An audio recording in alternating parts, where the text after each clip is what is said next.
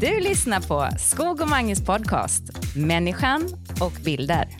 Presenteras i samarbete med Berta Soni premiumvitvaror från Italien.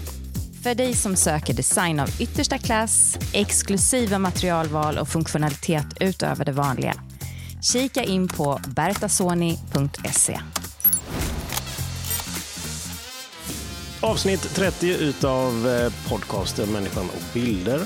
Tillsammans med Skog och Mange och idag också Anna Karlsson. Varmt välkommen till den här podden. Tack ska ni ha. Anna Karlsson, välkommen hit. Underbart. Ja, vad roligt att vara här. Ja, vad gött att se dig. Ska vi börja i den ändan sådär? Hade man hetat något lite mer sådär, nu hoppas du inte blir förnärmad på något sätt, men Jag något vet lite vad du mer ska komma nu här, annorlunda, ja. något sådär, Ja. så, så kommer man ihåg det. Men det finns ju kanske fyra miljoner Anna Karlsson i Sverige. Ja. Har, har, du, har du tänkt på det någon gång? ja, det har jag verkligen tänkt på. Och eh, Anna Karlsson, jag kallas ju AS, jag stavar ju med C. Anna Karlsson, jag kallas för AC, en frisk fläkt från Borås. Och det var faktiskt Uffe Larsson som jag jobbade med för massa år sedan som tyckte att du kan inte heta Anna Karlsson. En frisk fläkt från Borås som han alltid kallar mig, hela det namnet. Så att han, han hade, eh, i slutet på en föreställning jag gjorde med honom så eh, döpte han om mig till Anna Fläkt. Anna Fläkt. Så jag har fått ett namn som är Anna Fläkt. Ja. Och jag var lite inne på att faktiskt ta det namnet, för jag Ja, tyckte det var lite var- roligt. Men jag vågade inte riktigt, så det blev inte så. Ah, Bra namn annars, Anna Fläkt. Underbart. Spännande. Men tänk vad mycket grejer du har gjort, Anna Fläkt. Ja, ja, jag har gjort massa grejer. Ja, Ja, det har jag. Ska vi berätta var vi är någonstans? Det kanske hjälper till eh, lite ledtrådar så Ja. vi kan lägga ut så här i början av avsnittet. Vi sitter inne i salongen på Falkenbergs stadsteater. En ganska stor teater med, vad är det nu, är det 450 Det är platser? eller? 427 platser. Okej. Det är en ganska stor salong ändå. Och eh, det här är din arbetsplats sen, vad är det, fyra, fem år tillbaka? Eller? Mm. 2018 på hösten eh, kom jag hit och började jobba. det är ju länge nu. Ja, det är det. Ja, Det har varit lite pandemi och grejer det är emellanåt. klart, det är lite tokigt, men- Så, men, ja. ja, ja men det, det, ja, jag vet inte riktigt. Det, det är så mycket frågor. Jag känner att jag har, så, jag har tusen frågor, Anna. Men Det- var ska vi jag, börja jag, jag, jag tror vi kommer hit, eh, vad du gör här och vad du har gjort här de senaste åren. Men ska vi börja lite grann från början och sätta bilden, för då förstår man vem det är som sitter här i salongen tillsammans med oss. Du nämnde innan, du eh, kommer från Borås. Mm, just det. Hurdan var du när du var lite yngre? Var du, var du en teatermänniska, en konstnär eller vem var du när du växte upp? Ja, men jag var ju en liten teaterapa och höll på med teater och sång och dans och hela den, mm, det kittet. Och startade ju liksom karriären där i Borås. Och det, vi hade faktiskt en väldigt bra så här, ungdomsgård typ, som hette Föreningen Tåget, där vi verkligen fick testa på alla, alla bitar inom den här branschen som jag är. Skådespelarbranschen. Ja, faktiskt. Du kallar dig själv för skådespelare? Eller är det Ja, så? Eller- artist brukar jag säga, tycker Ja. jag är mer passande. Mm. Men jag är ju skådespelare också, även om jag inte är utbildad skådespelare. Mm. För att... ehm, ja, Men jag, hela jag, ditt liv sedan du var i Borås, tänkte du att eh, ja, jag ska bli artist?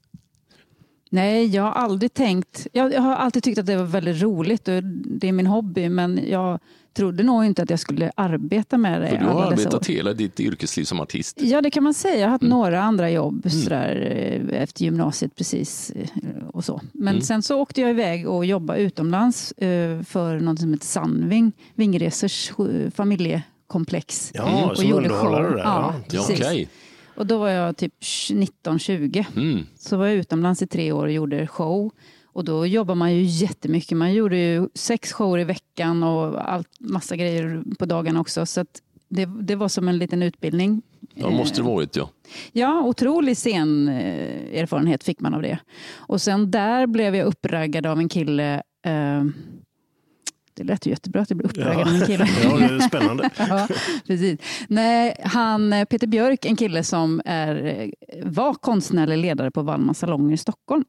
Han var nere och satte upp en show på Sandving och eh, jag skulle lära mig den här showen för att själv sätta upp den på ett annat Sandvinghotell på Mallorca. Och eh, då tyckte han att jag var så himla duktig. Så att han sa, kan inte du komma till Stockholm och jobba på Wallmans? Och jag bara, vad är det? jag har aldrig talat om det. Eh, nej, men så, så på den vägen blev det att jag flyttade till Stockholm och eh, hamnade där. 95 var detta. Och eh, jobbade som showkoordinator, som det hette då, på Wallmans i Stockholm. Och där var jag i ganska många år. Och det ser jag också som en del av min utbildning. Eh, det var också otroligt lärorikt. Ja, det, jag får den här jag kopplingen till, eh, det finns den här gamla berättelsen om Beatles. Varför blev de så bra som de blev? Och det var ju när de åkte ner till Tyskland innan de blev kända och spelade på en nattklubb två eller tre gånger varje kväll, hur länge som helst. Och jag, tänker, jag har ju hört den här liknande storyn med många och det är det jag hör när du berättar med. Alltså när man är, på, eh, när man är ung och jobbar på en eh, hotellverksamhet och det är show hela tiden. Man jobbar och jobbar, tränar, tränar, tränar, tränar och sen Wallmans är väl lite så med. Det är en ny show varje kväll mer eller mindre. Ja, och det är otroligt stressigt jobb där. För det är ju liksom hela serveringsbiten också. Just det, ja, det. Ja, det är en serveringsbit Ja, också. det är ja, det det går ut på lite. Att Mm. man anställer artister som lär sig servera. Det är inte tvärtom. Som många tror att man är servitris som får lära sig att sjunga. Eller dansa och showa. Utan lite tvärtom. Eh, Jag var då showkoordinator så jag höll i hela liksom, produktionen och var, gjorde även, var med vid uppstart och anställde folk vid auditions. Och liksom, Ehm, och sådär. Och så jag var liksom klockan där på kvällarna och såg till så att numren gick igång i tid och piskade på folk. Åh, sådär. vad stressigt. ja, jättestressigt var det. ringer in ersättaren när någon är förkyld och sådär. Ja, nej, det fanns inte. Nej, fick man Man fick bara köra. Man jobbar när man är sjuk, så är det i den här branschen. Mm. Ja, ja. Ja, det är Tyvärr, ingen som tackar en för det, men, men man gör det. Ja. Men hur ser du tillbaka på den tiden? Var, var det usch vad stressigt eller oj vad kul? Ja, det var jätteroligt. Jag ångrar inte en dag. Fantastiskt roligt. Liksom man levde sitt liv, vigde sitt liv åt det. Man bodde typ där. Liksom. Ehm, och, och lärde sig jättemycket. Fick otroligt mycket sentid. Liksom. Och, och jag valde ju den vägen istället. För jag sökte faktiskt till Balettakademin i Göteborg, musikallinjen där och kom in där. Men så valde jag att inte gå där. Eh, för att ja, då, just då hade vi en massa, eller jag en massa jobb med ja, showgrupper och hit och dit man var ute med. Och det fick man inte hålla på med samtidigt som man gick i den här skolan. Och då tyckte jag, nej, men jag tjänar ju pengar nu. Så Ja, just det. Ja, Ja. jag valde den vägen istället. Ehm, så att eh, om man säger så, om man hade gått Balettakademin så kanske du hade fått jobb i en musikal eller mm, ja, i någon produktion och då står du där längst bak i, i balletten eh, och får inte göra så himla mycket. Om inte du är skit, skitduktig. Liksom. Ja, det, Eh. ja, det, risken är ju att man blir den där svältfödde konstnären som är lite missförstådd som lever på bidrag. Ja, lite så. Eh, Men framförallt så tycker jag den vägen jag har gått med Sandving och, och Wallmans där, att få så mycket sentid och liksom fronta och sjunga och dansa och göra roliga nummer. Liksom.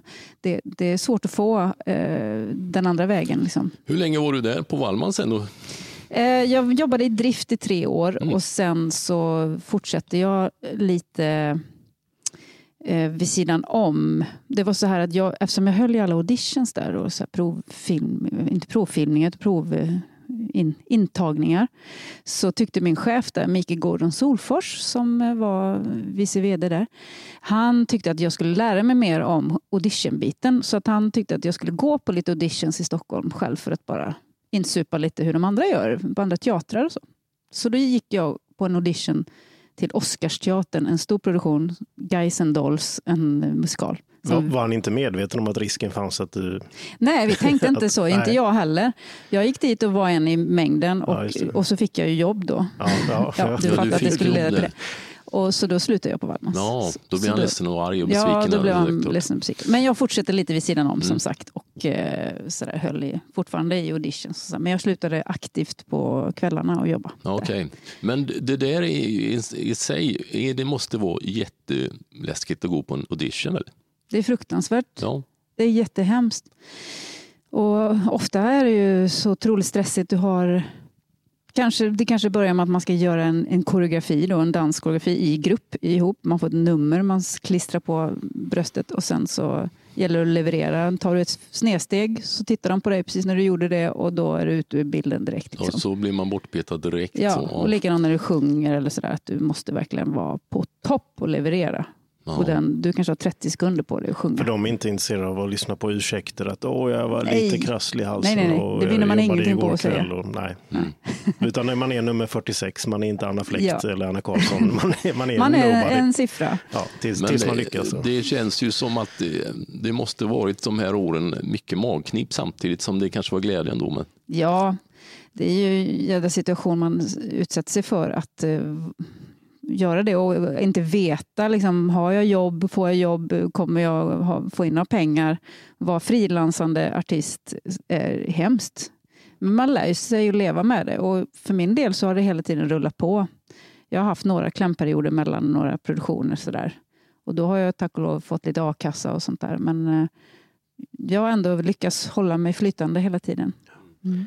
Jag tänker mig att det är intressant att relativt tidigt där så kom du ändå in som showkoordinator, den rollen då som är lite grann mer än bara det som händer på scenen och vilka låtar i vilken ordning och vilka tonarter och hur jag ska dansa och sådär. Det vill säga att en bredare förståelse och kunskap om hur man rattar runt en föreställning till exempel. Ja, men jag har nog alltid haft den förmågan att se helheten. Ehm, och det tror jag är en väldig fördel när man själv står på scenen. Att man har även det spindeln i nätet, så projektledartypen i sig. Jag tror inte det, är, det, det är nog inte så vanligt att man har den förmågan. Det är antingen eller på något sätt. Vilket är roligast? Roligast eh, att stå på scenen, är det du gillar mest? Ja, det är ju absolut roligast att stå på scenen. Men du har gjort massa tv också ju. Ja, det, precis. Och det började faktiskt då när jag var på Wallmans där. Mm och jobbade, då, då, då skulle Wallmans nämligen hålla i rekryteringen till en skola som heter Fame Factory, mm. eh, som låg i Skara. Mm. Det som programmet Karlsson kommer jag ihåg. Jag, jag och min sambo satt och tittade på det. det var ju, från de första säsongerna i alla fall, var ju jättebra. Ja, men ja. det var ju liksom ja. första idolkänslan där. Var, var, du med i den produktionen? Då, ja, eller? då var jag med i, i alla fall en av säsongerna. Jag tror det var kan det vara sista eller näst sista. Eh, då var jag en i juryn där så vi reste runt i Sverige och eh, tog ut de här eh, kommande Då var det du som var auditionchefen istället? Till Ja, då satt jag i juryn där med Bert. Men det var en helt annan grej då? Ja, ja fast det hade jag gjort på Wallmans. Ja, suttit, suttit vid mm. det bordet om man säger så. Men tv då, hur kom det sig? Var det roligt? Ja, men det var ju spännande. Det var jättenervöst där, att man blev så himla medveten om att oj, det filmas från alla håll och hur man reagerar och man blev så medveten om vad man skulle säga. För det var ju inga manus utan det var ju liksom spontant. Eh, Reality-tv typ. Ja, ja, precis. Vilket år är det här då? Jo, det måste ha varit 2003 kanske. Okej, okay, okej. Okay, ja. Mm. Något sånt. Mm. Ja. Och sen ledde det också till en annan produktion som jag gjorde som hette Allt för byn. Mm. Som Strix producerade uppe i Jämtland, i Hammarstrand. Eh, och då var, var, det också, eh, det var väl inte, kanske inte Wallmans, men jo, det var faktiskt Wallmans som eh, var producent för den här. Det är en föreställning som skulle sättas ihop med tio killar uppe i Hammarstrand som skulle göra en revy för att rädda sin by och sätta Hammarstrand på kartan. Det blev inte någon jättesuccé den här serien, jag gick på trean. Men eh, det var liksom första gången jag fick jobba med att eh, både tv och produktionsarbete och sätta ihop en föreställning. Och det var ju lite spännande för där, där slogs man lite mellan produktionsbolaget som filmade Strix då, som ville ha, men det här vill vi filma, det är inte intressant att filma medan vi det var jag och Rafael Edholm som var regissör här.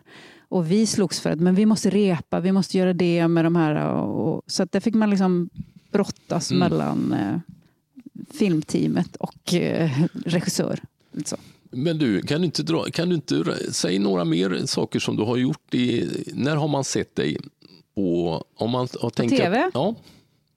Eh, ja, där kan man ju ha sett mig, för jag var ju med i bild där också då, under det programmet. Mm. Men sen så eh, fick jag jobb med REA, Roligt Elakt Aktuellt, Hamburger ja, Börs i Stockholm. Det var roligt. Ja, och vi spelade på eh, både Kaj Lotta i Göteborg och Hamburger Börs i Stockholm med Anders Lundin, Susie mm. Eriksson och Olof Forssmed. Eh, då blev jag erbjuden jobb med, eh, på Baluba produktionsbolag och programmet Partaj. Partaj, ja. ja och det, det gick roligt. ju väldigt många år på femman. Ja, det var roligt. Kristin Meltzer och mm. Johan Pettersson bland annat. Så där fick jag in en liten fot. Så där, där jobbade jag ganska mycket i flera säsonger. Det var ju ett jätteroligt program. Ja, det var det. Och det var väldigt roligt att göra och väldigt läskigt att göra. Varför det var det läskigt? Jo, för att det var väldigt mycket fokus på att göra imitationer och parodier. Ja. Och eh, man hade väldigt, väldigt kort tid att förbereda sig på. Och det här, det här är ju svårt, det vet ju alla som någonsin har stått framför spegeln och försökt. Ja, det är svårt. Det är jättesvårt. Har du en karaktär du har gjort tidigare så är det ju inte svårt. Vilka gjorde du och vilka var jobbigast? Eh, nej men det kunde vara sådär att jag visste att jag skulle jobba på onsdag, eh, men jag hade inte fått någon reda på vad jag skulle göra. Jag skulle vara med i studi- det var en studioinspelning på onsdagar. Okej, vad, vad ska jag göra? Ska jag göra någon liten, liten roll? Nej, men ja, på måndag kommer det ett manus och information. Och då ska du, så här, du ska göra Gry Forssell eh, som håller i, Gladiatorerna, typ. Mm. Parodi på henne. Ja. Liksom. Men jag har aldrig gjort Gry Forssell. Nej, men det är ju bara att välja då. Antingen gör man det eller också gör man det inte. Ja. Och det- jag valde att tacka ja alltid, för utsätta mig för det. och det blev ju inte alltid jätte, jättebra. Eh, och det är ju man själv som får ta den skiten då, för det, blir ju ingen bra är tv. Du, är du självkritisk där, tänker du nu? Då, Ja, eller? ja, det är jag. Ja. Men, men jag, jag beundrar mig själv att jag vågade. Det måste man ändå säga. Ja. Det, är, det är det bästa. Och många gånger blev det riktigt bra. Vilka var de, kan du inte göra någon nu då? Ja, men som Gry Forssell till exempel. Det blev väldigt, för att när man gör en parodi på någon eller imiterar, vilket jag gör mycket nu för tiden, så gäller det att liksom plugga på den personen, titta på mycket Rörelser klipp och och- höra och rörelser, allting, liksom, få in det. Och det tar tid innan det Ja, det sätter klart. sig. Man måste älta det. S- Sitter det kvar sen då eller? De Ja. här karaktärerna du gjorde för ett antal år sedan. Vilken var den roligaste? Jo, men det sitter nog ganska, fast nu var det ju länge sedan. Eh, Men typ Gry Forssell, jag vet inte om ni vet hur hon låter, men Ja, säg då. Vad kul, vad härligt, vad roligt. Välkomna till Sommarkrysset! TV4s glättigaste familjeprogram som ni aldrig blir av med. Vad kul, vad roligt, vad härligt. Ja, men det känner jag igen nu, nu, nu när jag hör rösten. Ja, Eh, har inte du gjort någonting med Gry Forssell också? Där du, typ på på Skansen eller någonting? Eller? Nej, det har inte gjort. Men Nej. vi gjorde i partajprogrammet så gjorde vi faktiskt en inspelning där vi drev med Sommarkrysset. eh, Ja, det. Som hon led, eh, det. ledde. Det går väl inte längre. Men, och då fick vi vara där och spela in precis en halvtimme innan sändning. Det är ju direktsänt därifrån. Ja, Just det, just. Gröna Lund. Men det här är ju roligt. Säg något mer som du kan. Det är ju roligt. Du sätter det på pottkanten. Ja, eh, nej, sen gjorde jag ganska mycket Annie Lööf. Ja, det är roligt. Hon, hon pratar ju så här när hon pratar. Hon använder, och då överdriver man ju så man använder inga ej alls utan det är j-ljud hela tiden. Så. Eh, så, för det gäller ju inte att bara härma utan det gäller att hitta något roligt med det. Man måste skruva upp någonting roligt. Eh, och då är det ju tacksamt med någon som Annie Lööf då, som inte har så tydliga R. Men då måste det egentligen vara ännu bättre. Det måste vara svårare på ett sätt att, att eh, som du sitter nu och pratar utan att man ser det. För om man ser Mm. bilderna och man överdriver då måste det bli ännu roligare ändå. Ja, och man förstärker med kläder Ja. och peruk och liksom Så sådär. bilderna i sammanhanget är ju Ja, bra där. Ja, absolut. Bilderna är jätteviktiga när man ju tar fram en karaktär. så Mm. liksom. Mm. Studera verkligen.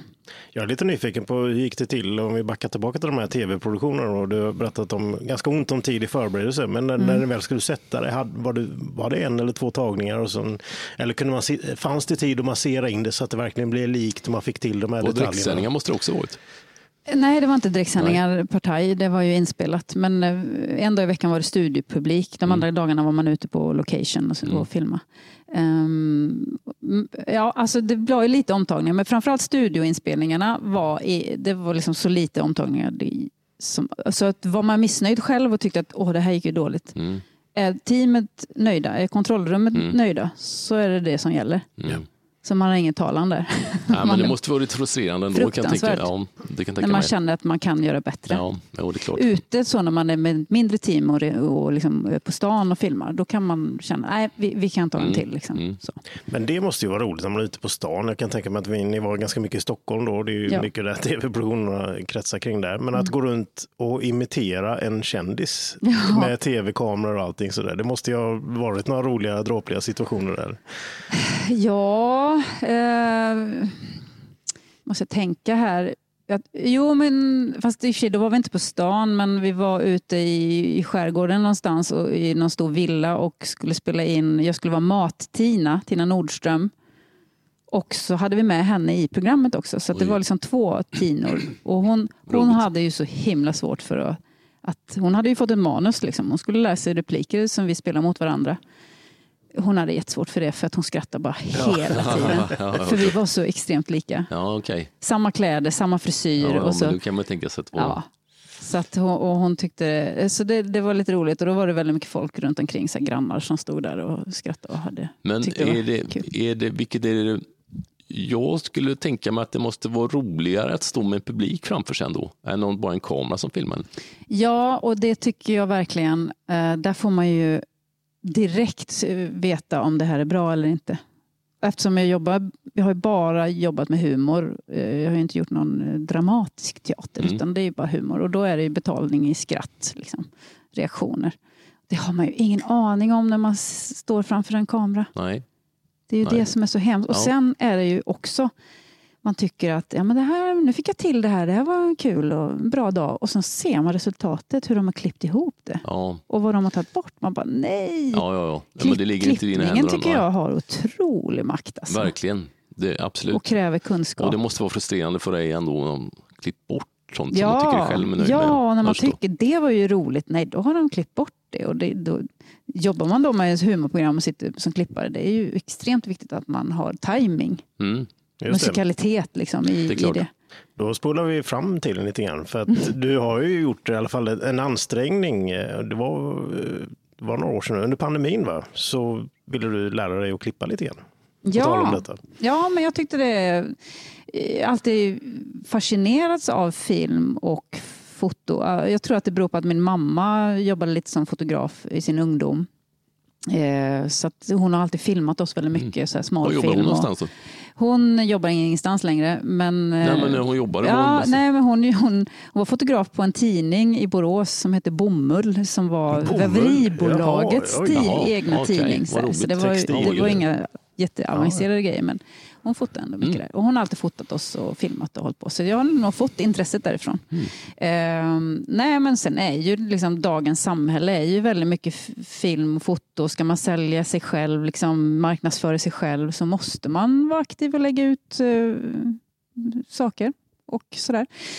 Ehm, nej, men så under pandemin där så höll man ju på att fundera på vilken bana ska man ta i livet? För att man blev ju så tvingad att tänka om eftersom hela min bransch var nedstängd. Vi fick ju inte jobba. Och då tyckte ju då Arbetsförmedlingen att du måste hitta eh, något annat att göra. Och 50 år och ska byta bana är inte helt lätt. Så det var ganska krångligt. Men då tänkte jag, vad tycker jag är roligt? Ja, vad, jag tycker det är spännande med film och klippning. Så att då fick jag faktiskt gå en kurs i sex veckor i videoredigering och lära sig olika mm, klippprogram. Och så fick jag också praktisera ett par veckor Du hos en praktiserar kille. med Mattias Skog. Ja. Ja, hur var det då? Ja, hur var det? Så Berätta vad du tänkte om den här killen. Ja, eh, nej, jag skojar. Det var, det var, ja, vi hade inte jättemycket. Vi, vi sågs ett par gånger och, och, och så gav du mig en uppgift. eh, En, jag skulle klipp, du Just- hade klippt ja. en film. Ja. Du fick lite UF-film. råmaterial. Ja, lite det. råmaterial. Och så fick du göra vad du ville med det. Ja, precis. Eh, och sen fick du tycka lite hur jag hade gjort det sen. Så Ja, för att ge mig precis, lite så feedback. Vad tyckte Ja. du om Mattias? Var det, ja, det, Nej, men det var fa- fantastiskt kul, men samtidigt när vi började prata om pandemin så började jag göra en mental tidsresa. Alltså just att det var ju så konstiga tider Ja. som vi helst inte pratar om egentligen för att vi vill ju bara knuffa bort det. Men det var ju ver- verkligen den här osäkerheten. Vad händer nästa vecka? Eller vad, är, vad blir resultatet av det här? Men, men Mm. bortsett från det så, nej men absolut, det var ju jätteroligt och det var ju nytt för mig också att jag kände att jag hade prestationsångest. Liksom, vad ska jag kunna lära dig? Liksom sådär. Men det, det, vi hade ett par trevliga Ja, samtal men det var om, om jättebra. redigering där. Det var trevligt. Det var jättebra och jättekul tycker jag eh, att göra det. Och, och, sen, och i, det sam, i samband med det så vet jag att jag satt och klippte ett par trailrar, trailrar det? Trailers. trailers till eh, eh, Falkenbergsrevyn för vi skulle göra någon sån här, vi gjorde en lite best of eh, program på SVT, två program där jag och Andreas Sköld var programledare och så visades det gamla klipp sådär liksom för att ja, Mm. vi gjorde ingen revy det pandemiåret. Eh, Och då gjorde, satt jag och, och klippte. Eh, Och det var, då lärde jag mig jättemycket av eh, Mattias. Men du, har du jobbat vidare med det sen då? Nej, tyvärr har jag inte För det då så öppnades det upp och sen det var Ja. tillbaka på scenen kanske ändå var det som du kände var det goda. Ja, det är ju det som är det roliga, tycker jag, som passar mig bäst att stå på scenen live. Så. Men, men ja, jag, jag startade en liten video, eller en Youtube-kanal som heter Annas värld. eh, där jag eh, filmar mig själv med mobilkamera. Jag har inga andra kameror. Nej. Mobilen och eh, jag köpte lite stativ i alla fall Mm. gjorde jag för att kunna gå ifrån. Bra. Men jag har ingen mick. Det är dumt. Jättedumt dåligt. märker jag.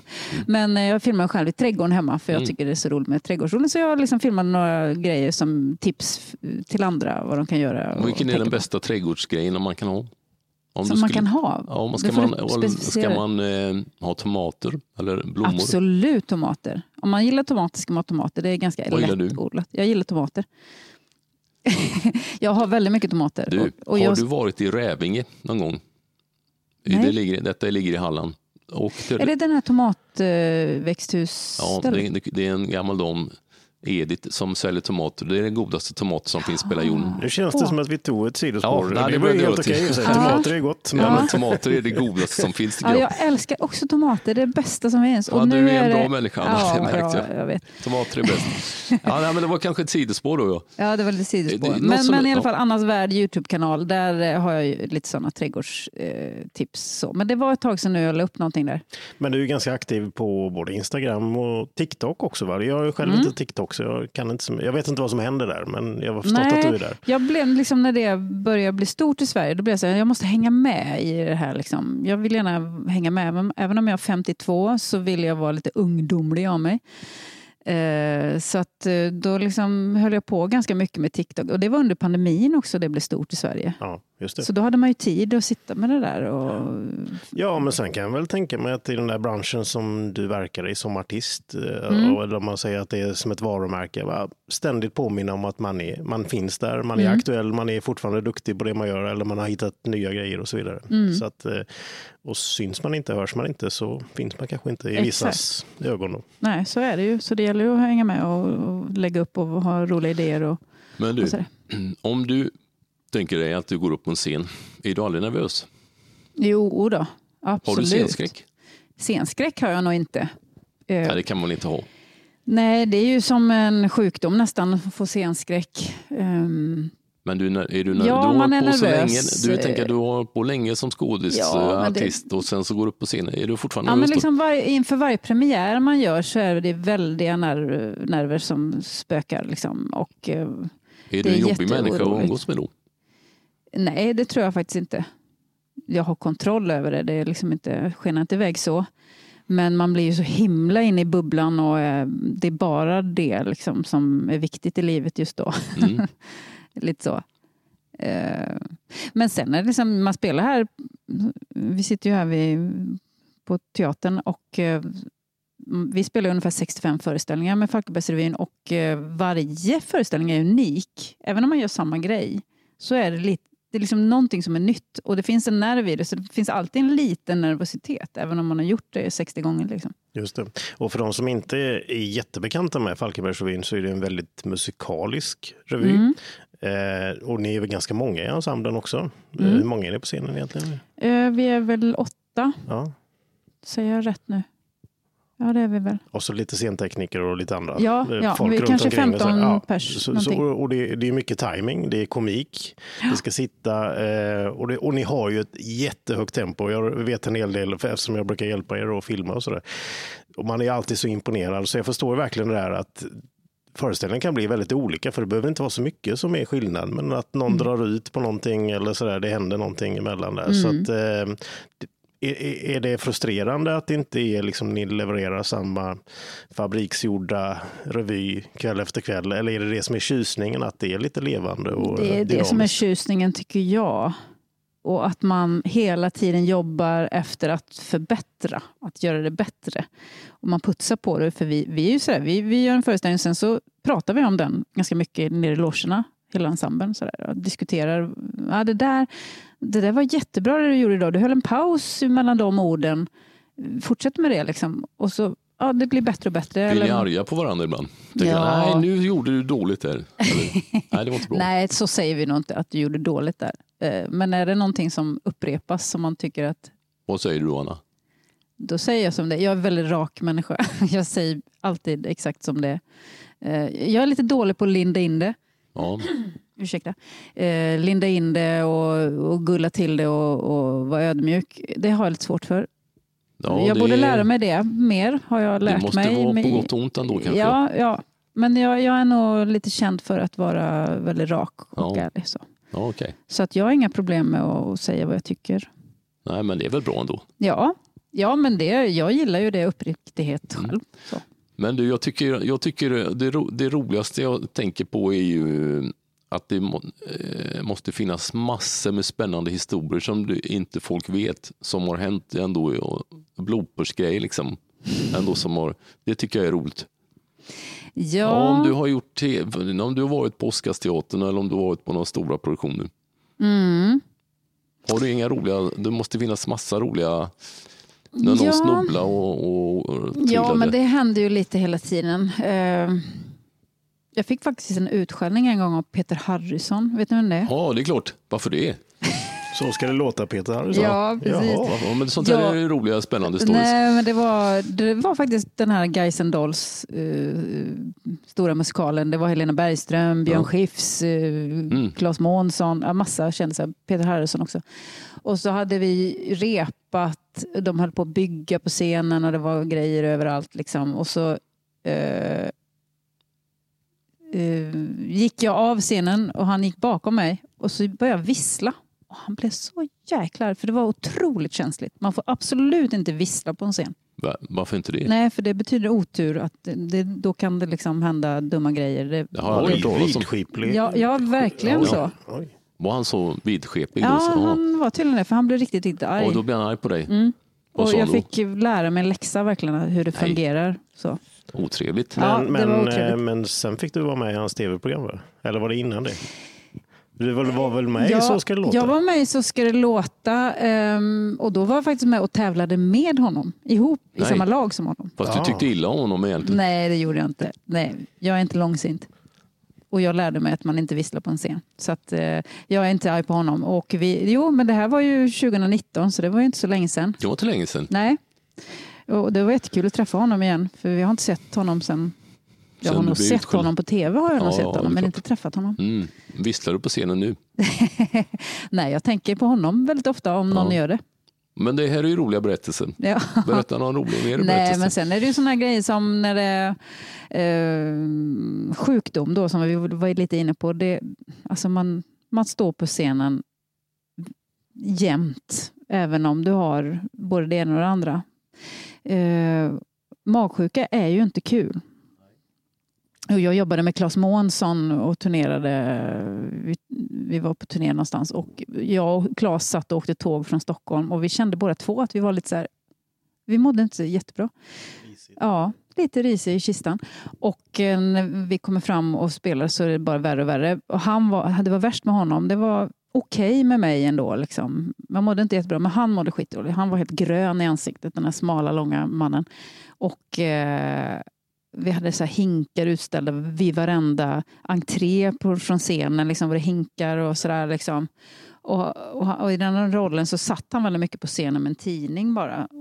Och liksom hade några små stickrepliker. Men så närmare slutet på föreställningen så bara springer därifrån. Liksom. Nej, han var tvungen att... Ja, han var tvungen. Och så och hans mick fortfarande på så att man Nej. hör hur han kräks. Liksom. Nej. Oj, oj. Men då tror kanske folk att det var en del av föreställningen. Ja, jag vet inte vad de trodde. Och det roliga var att vi spelar bara vidare.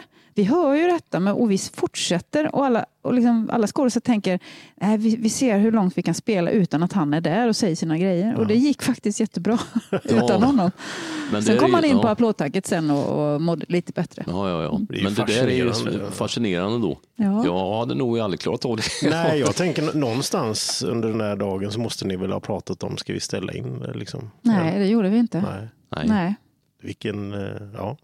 För det finns inget alternativ. Och det, alltså, ställer man in, det innebär då att eh, ställer vi in här revyn Falkenberg, då ska det ringas runt till, ofta spelar vi dubbla föreställningar också, så det är alltså 900 pers som man ska ringa runt till.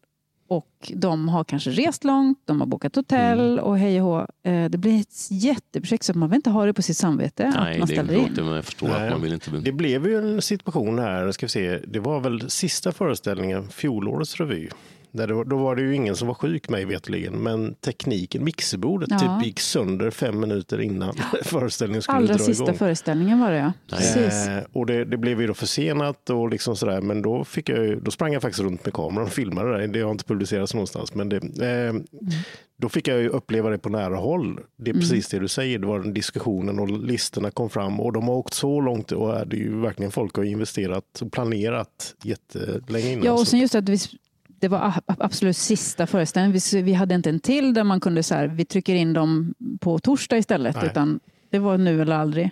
Och för oss också, ensemblen, att stå där och ska inte vi få spela den här sista nu? Liksom. Det var jättekonstigt. Mm. Nej. Ja, det var häftigt att höra det, för det, dök upp alla möjliga förslag. Allt ifrån att ja, vi kör akustiskt Mm. Ja, ja. och bara hitta på och göra ljudeffekter och sådär. då. Men det, är inspirerande att se en hel grupp liksom jobba på, på det sättet att vi måste bara lösa det. Liksom. Ja, ja. För det var verkligen vad, Men vad hur jag gick det förstod då? Ja, Fick de ordning på ja, mixerbordet? de fick igång det till slut. Ja, det var gött så det gick att göra Mm. grejen. Men det tog lite tid. Eh, Ja, klart. Men vi fick genomfört den här föreställningen, så det var skönt. Men du är ofta alltid rolig. Alltså, eller, om man tänker på de roller du spelar, eh, då är du alltid rolig. Eller? Är du arg Ja. eller? Ja, det är humor, Ja. Är du rolig privat? komik. Ehm, ja, ja. Åh, vilken svår fråga. Fråga någon annan. Nej, men, eh, jo, men jag tror det, man har det i sig lite grann Mm. sådär, och försöker vara rolig. Eh, sen är nog jag en väldigt så eh, jordnära person hemma. Sådär, eh, som inte tycker om så mycket spänning, för jag får så mycket spänning i jobbet. Så Ja, det, det det, kan jag tänka mig, Ja, ja. jag tycker det är ganska skönt att inte göra så Peta mycket. jorden. Ja. Det är bra. Ja. Ja, precis. Ja, men jag tycker man kan ha en bild, eh, eller, eller om man tänker en clowner, att clownen gråter ändå. Liksom. Är det inte en sån känd bild att clownen är jätteglad och alltså, sen går Mm. clownen av scenen så gråter clownen? Ja, men eh, jag, eh, jag är inte hemma och gråter. Liksom. Nej, och jag är bra. ingen clown heller för den delen. Men, eh, jo, men det stämmer nog att man är eh, så. Man spelar en roll hela Ja. tiden. Liksom. Precis. Ja.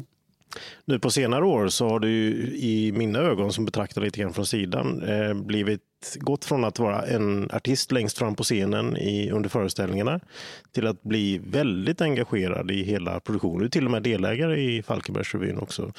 Eh, och eh, väldigt, ja, senast nu som sagt var så hade vi en fotografering och du är väldigt inne i det nu och, och jobbar med hela produktionen. Så. Vad, vad, vad ger det dig att, eh, att vara så insyltad i allting som du är nu? Jag tycker ju det är jättekul för att jag har ju den förmågan att vara lite spindel i nätet och jag har kunskap. Jag har, väl, jag har lite kunskap på väldigt många olika områden. Ehm, jag är inte jättebra på något av det men jag är lite bra på Ja, många jag, saker. jag tänkte på det innan, till exempel redigering. Ja, det kan vara allt annat, det kan vara fotografering och så vidare. Har man en, en känsla eller tillräcklig kunskap för det, då blir man en ganska bra beställare också. Man är en kravställare på något sätt. Ja, jag kan nog se det ja. framför Ja. mig. Liksom, och det gäller bara att förklara vad man är ute efter. Så Att, att du, Mattias, då ska förstå vad jag menar när jag säger kan vi inte Ja. göra en sån här film som, som är så, så, så. Liksom. Så då har jag lärt upp ditt kritiska öga till min redigering. Då. Ja, ja. precis. Ja, nej, men eh, jag tycker det. Jag, även innan jag blev delägare och så indragen i det så var jag, la jag mig i väldigt mycket och hade åsikter om saker och ting. Och det har ju uppskattats verkligen eh, av de andra i ledningen. Så att eh, jag tror jag har, jag har mycket erfarenhet att komma med och har lärt mig genom åren väldigt mycket. Så att, eh, och, och det är ju så härligt att få att det blir bejakat, att de uppskattar det. Och, att man till, verkligen hjälper till och tillför. Hör av dig och kommentera det du hör i podden på Instagram. Skog och Mange. Hur går det till när ni gör eh, numren? Skriver ni, vem kommer på alla roliga scener ni gör? Ja, vi skriver ju det mesta tillsammans. Eh, Vi har eh, ständiga möten under ja, slut på sommaren och eh, framåt. Så nu, nu är vi i en väldigt så eh, aktiv skrivprocess. då, ja. Eh, Så man går ju ständigt och funderar och, och lyssnar på nyheter och sådär. För att vår revy kretsar ju kring det som har hänt under året i hela världen. Mm. Så, Så att man antecknar ju hela tiden eller fotar av grejer och sådär. Liksom. Vad ska vara, har ni något nummer klart? Ja, När börjar ni spela? vi börjar spela den 4 januari. Har vi 4 premiär. januari. Ja. Just det. Så Har ni att- några klara? Alltså? Ja, men vi har några sketcher klara och några sångtexter Säg klara. några. Och sådär. Nej, det kan jag inte avslöja. Jo, så du kan väl få en tidigt- det är liten, för liten tidigt, glimt av vad som kommer.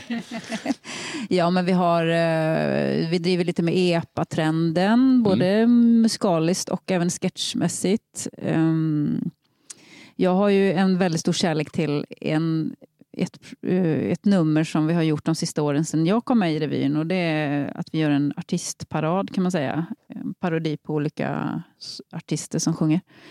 Där, där brukar jag ha stor del och, och skriva mycket texter och komma på. Liksom. Ja, men han är lik eh, den, då skulle han kunna göra det. Och kan han få till den rösten så det låter som det och det. Så. Eh, och där, ja, den jobbar jag en del med nu. Eh, vad har vi mer för någonting skrivet? Eh, vi har någon liten idé på en eh, Nobel... eh, Det har varit mycket kring det här med inbjudningar till Mm. Nobelmiddagen nu. Att de Mm. blev fel och skickat till ryska ambassaden Mm. och Belarus. Ja. Där har vi en idé om att man får titta in i den, eh, på det mötet där man, där man just planerar. Ja, vad roligt. Det skulle, man, festkommittén. Liksom. det skulle man vilja vara med på det Ja. mötet faktiskt. Ja, Ja. Och att det, det är lite så här spårar ur. ja, ja, ja. AI pratar vi väldigt mycket om också. Ja, det är för det är ju ett väldigt hett ämne. Ja. Och, och där diskuterar vi också hur insatta är vår publik i ämnet AI? Vet man vad det är? Hur, vad kan man driva med där? För vi vill ha med det på något sätt i revyn. Men nu, nu har det nog landat i att vi ska göra en fysisk AI-robot som jag ska göra. Eh, som då kan göra vad som helst. Mm. Eh, och då kan man även få in lite olika kändisar, röster och... Ja, ja, det kan ju bli Ja. vad som helst. Där. Ja, Spännande. det kan bli lite kul. Vill verkligen Men gå och titta på revyn. Ja, det kommer bli Ja. jätteroligt. Det känns som att vi har mycket kul på gång. Ja, ja vad kul. 4 Spännande. januari är vi här. Jajamän. En liten detalj i sammanhanget, eh, eftersom jag känner till er process hyfsat väl, det är ju liksom just det här att när ni samlas efter sommaren, alla har varit iväg, kanske har gjort lite andra projekt eh, i världen någonstans, men ni samlas där och hälsar på varandra. Då är det inte så mycket som är bestämt utan ni börjar från ett tomt blad. Och nästa steg kan man ju tänka sig då att man skriver fram några nummer. Så, nej, det är fotografering för då ska det fram marknadsföringsmaterial och hela apparaten haltar lite grann kanske för en utomstående. Sådär. Men eh, hur, hur är den processen? Är det någonting man bara lär sig? Liksom att man, eh, eller, eller är det ångestframkallande att, att ni börjar sälja biljetter idag till exempel när vi sitter här Mm. eh, när inte det är färdigt? Liksom? Eh, nej, jag tycker inte alls det är ångestframkallande. Det är bara en eh, liksom, morot peppad, på något ja, sätt. ja. Ja. Eh, för man vet att det kommer bli jättebra. Även om man hade en jättebra produkt förra året då, så kan man ju tycka, hur ska man slå det? Men jag tror ju att det kommer alltid nya idéer och det, man utvecklas och eh, hittar nya grejer som är roliga. Men, men det är ju en, en stort skepp som ska i land eh, från första början som du säger där med att vad, vad ska vi kalla oss? Hur ska vår affischbild se ut? Och, och jag tycker det är jättekul att vara delaktig i alla de bitarna och lägga det pusslet. Liksom. Mm. Hur, hur viktig är bilden skulle du säga? Det blir en generell fråga men det är ju ändå en fotopodd där om vi ska prata lite bilder. Hur, hur viktigt är det att, att landa rätt i de här Ja, det kan både vara trycksaker, det är videos, det är webbbilder och annat liksom för att eh, ja, sätta varumärket, sätta er som ensemble och så vidare. Hur, hur mycket tänker du i bilder? Jag tycker det är jätteviktigt. Eh, och där måste man eh, liksom utvecklas hela tiden och tänka framåt eller tänka nytt. Eh, så det känns fräscht. Um, och där får man väl ibland sådär, eh, slåss lite med de som har varit i det här gänget många år. Sådär. Ja, men det brukar ju funka, så har vi alltid gjort. Ja, det är just därför vi inte ska göra så, kan jag säga då. Vi ska göra något nytt nu. Så. Eh, och det, det, det är väl ganska mycket jag som tycker olika där och får Och du är ganska rak och framåt och Ja. kan inte linda in det. Nej, precis. Nej, men det är bra ju. Eh, Ja, Men det är lite samma på scenen ändå också, att det handlar ju om bilder också, ändå förmedla bilder Mm. egentligen. Ja, Alltihopa. jag tänker nu förra, senaste årets revy, då hade vi faktiskt ett nummer där vi hade både filmat material och live. Så vi liksom blandade det i ett nummer, vilket var väldigt lyckat tycker jag, i en, en låt vi gjorde. Skippa skärmen heter den. Just det, så gick ni så att säga in Ja, det var ju du Mattias som filmade ja, åt oss ja, där. Ja. Eh, Ja, och det var ju liksom långt innan vi hade det var ganska långt innan premiär som vi filmade de här grejerna. Men då hade vi ett manus. Så vi sa, ja men så här ska det vara. Och Per, vår regissör, Per Nymark, han var väldigt så här, ja men okej, ni sitter vid middagsbordet där, du börjar sjunga och sen går du ur bild och så går man då ur skärmen och kommer ut på scenen. Och sen så gick man in några gånger. Det där kan så man här. prata om timing då, om det ska funka. Ja, ja, och det fick vi ju öva väldigt, väldigt mycket för Ja. att det skulle kännas rätt. Och där missar man ju ibland sådär, oj jag var lite sen så att eh, ja, det stämde inte riktigt bild och live. Så. Ja, och det är det som är så häftigt med för att det, det bygger ju ändå på att det är live. Det är alltså inget förinspelat nummer utan det är förinspelade delar som ni sjunger till live. Det Ja. är mycket, många rörliga delar som ska funka där men när det, när det sitter så blir det en väldigt häftig upplevelse som publik. Mm. Och det känns lite nytt och fräscht. Och det är ju liksom den vägen man måste gå. För att det här med leddar och, och filmat material, det är ju liksom det, det, det ska man ju ha nu för tiden. Jag tänker på eh, en sak när det gäller revy. Jag tror att många har den bilden i huvudet med att revy är något väldigt traditionellt. Det är lite så här, i en bygdegård någonstans och byns lustigkurrar ställer sig på scenen och gör något kul. Eh, ganska traditionellt och det är en viss typ av musik och nummer och sådär. Falkenbergsrevyn är ju ja, kanske lite grann det emellanåt, men det är ju väldigt mycket en modern föreställning med fart och fläkt. Liksom. Hur, hur resonerar ni i, i gruppen kring det här med att värna det traditionella och att, som vi var inne på alldeles nyss, här, trycka det framåt, utvecklingen, hitta på nya grejer, kanske hitta ny publik och så vidare. Jo, och, och det är precis det. Vi har ju en publik som är oss trogen och det är ju väldigt mycket äldre människor, mycket pensionärer som åker pensionärsbussar och sådär. Och eh, Eh, nu ska jag inte säga att de vill se bara gamla mossiga saker, för så är det inte. Det jag kan bara tänka på mina föräldrar som är 85, de lyssnar ju på radion och hör populärmusik och tycker om den. Och de tycker ju om att höra det på scenen också, så att man ska inte bara sjunga gamla Karl Gerhard-låtar. Liksom. Eh, så att det gäller att göra det bara blanda det så mycket man kan tror jag. Blanda upp det så man har lite av det gamla och eh, lite av det nya. Eh, Det strävar jag efter i alla fall. Så man inte bara är i... Men, men, men det kräver också ganska mycket kapital och pengar för att, kunna satsa på en större show som vi faktiskt gör. Vi gör ju en väldigt dyr produktion om man jämför med många andra revyer runt om i Sverige som inte har de, det kapitalet riktigt. Men ni måste väl ändå vara den ledande revyn i Sverige? Har inte det varit? Ja, det skulle jag faktiskt Ja. säga med gott samvete att Jag vi tror- är. Ja. Ja, Mm. och eh, det är tack vare att det har arbetats in och utveck, ständigt utvecklats tror jag och haft en bra ledning. Så. Ja. Det är gött. Ja. Men du, det måste vara nästan, jag tänker på ditt jobb som gör så mycket olika saker, men, men eh, något som jag aldrig upplevt och jag skulle aldrig våga, men jag måste tänka tanken, om man står på en scen och folk skrattar åt det du, när du måste vara fantastiskt. Ja, men det är det ju. Det måste vara helt otroligt. Ja, det är ju he- och, och, och, tänk dig då själv att du har kommit på idén, Ja. du har skrivit manus, du framför det, du får en bra kostym och mask och så skrattas det. Det, är ju, det måste Ja. vara fantastiskt. Ja. Det är sån kick, Ja. otrolig kick. Ja, det tror Och så jag. lägger man till där att det är i november, december, januari mörkret. Folk har ju inte, det är ju inte den roligaste tiden på Nej. året. Men så kommer man in, man lägger en slant i, eh, och kanske gör en kväll utav det. Man går dit med vänner. Höga förväntningar eftersom ni är duktiga, ni säljer bra med biljetter varje år och så vidare. Eh, Det måste ju vara en riktigt god känsla. Ja. Ja, men, Men det det är måste vara som en drog roligt. för er. Alltså att, nej, men det måste vi, man kan tänka mig att det måste man göra om ändå, den här kicken man får. Dem. Ja, Ja, det är det man vill ha. ja, det, Det är liksom vara. snabb betalning om man säger så. Vilken fantastisk känsla ändå. Blir Ja, sugen på att ställa dig på scen? Nej, jag skulle aldrig våga. Jag, skulle, jag är ju, står ju gärna bakom kameran. Jag Ja, har du att- aldrig varit framför? Ja, och lite grann har Mm. jag varit framför en tv, men aldrig på en scen har man ju aldrig varit. Nej. Det har man ju aldrig funderat på ens faktiskt. Men, men det måste vara fantastiskt ändå.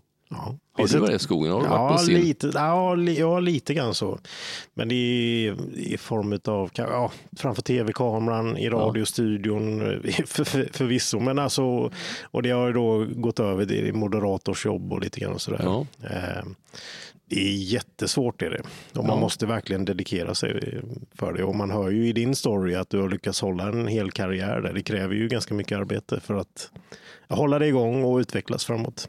Ja, det gör det. Och det ena leder till det andra. Så har det alltid varit i mitt liv. Att jag aldrig liksom haft, det ska jag göra. Det är min plan om fem år. Utan det är så här, ja okej, då testar jag det här. Och sen dök det Ja. upp. Och, Det är ändå bra. Men då måste man ha eh, något kall i sig ändå. Att man ska, och kanske och Mm. en orosbefriad hjärna på något sätt. Då. Nej, jag har hur mycket oro som helst i mitt huvud. så, att, så det har jag. Men jag lever, lär mig att leva med det. Liksom. Mm. Ja, ja. ja nej, men det måste vara svårt. Och sen när det är så kul som det är, som Ja, vi pratade ja. om alldeles nyss, så är det värt det. Ja, ja nej, men det måste vara ändå om Mm. får den belöningen. Ja. då, då blir min eh, sista fråga som jag har i mitt huvud ganska värdelös egentligen. Och det är typ så här, vad drömmer du om att göra i de kommande fem tio åren? Nej, här? Men nej, det, det det ju ingen finns aning om ingenting då. Jo, men nu har jag blivit delägare här och det är ju liksom en, eh, ett stor, en stor förändring i mitt liv eftersom jag har varit frilansare så länge. Och- helt plötsligt har jag ett aktiebolag och jag är delägare i ett annat aktiebolag och sådär. Och det- Personalansvar. Ja, det är, ju, det, är liksom, det är en väldigt stor förändring i mitt liv. Plus att jag flyttat till Falkenberg från att ha bott i Stockholm då i så många år, 28 år. Liksom. Stort commitment. Ja, så det är väldigt det är förändringarnas tid för mig. Ehm, och det här är ju en plan, längre, långsiktig plan. Du har en långsiktig plan. Ja, jag har det Jaha. och det känns jätteläskigt. Ja, det måste vara ett... Och det är jätteskönt och jätteläskigt. Så Ja. liksom det, det är väldigt delade känslor. Ja, underbart. Ja, men jag kommer nog inte sluta. Om jag får andra erbjudanden så kommer jag nog göra dem också. Liksom kombinera det med Har du regi. något drömprojekt fortfarande? Det det jag skulle göra. Jag skulle vara med i det där programmet och den där filmen eller jag skulle vilja göra andra grejer. Nej, men det hade varit roligt att göra lite mer eh, tv, humor i tv. Men det görs ju inte riktigt sådana program längre. Det liksom finns inte riktigt. Varför det? Nej, jag tror att kanske publiken inte vill ha det. Nej, Det måste ju konstigt. vara något sånt. konstigt ändå. Ja, folk vill ju titta på roliga grejer. Ja, man vill ju Ja. vara glad. Det är det bästa som finns. Ja.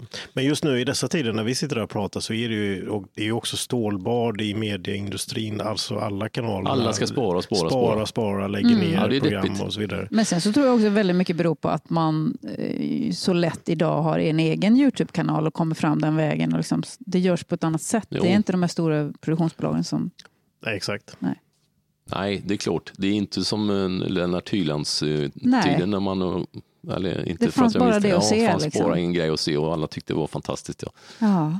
ja men det är på gott och ont. Tiderna förändras och det blir en ny revy till vintern. Här. Eh, Jag är Ja. lite nyfiken. Vad, vad händer härnäst? Vad, vad ska ni jobba med härnäst? Liksom, vad är nästa steg? Nästa steg är att faktiskt åka till Mallorca. Oj! Du ska sätta upp en eh, revy på mig. Nej, vi, vi ska åka dit och skriva. Ja, vilken vi, succé. Ensemblen åker eh, i en vecka och Ja. eh, fokuserar på att skriva tillsammans. För nu har vi varit en mindre skrivgrupp som har skrivit det mesta. Men nu ska alla vara delaktiga och, eh, och lite ledigt, så här halvdagar ledigt. Eh, Så att eh, det brukar vara väldigt trevligt. Det är nästa steg för oss. Eh, Sen släpper vi biljetterna idag och det rasslar som sjutton på kontoret. Det är jättekul. Det är redan mycket bokat.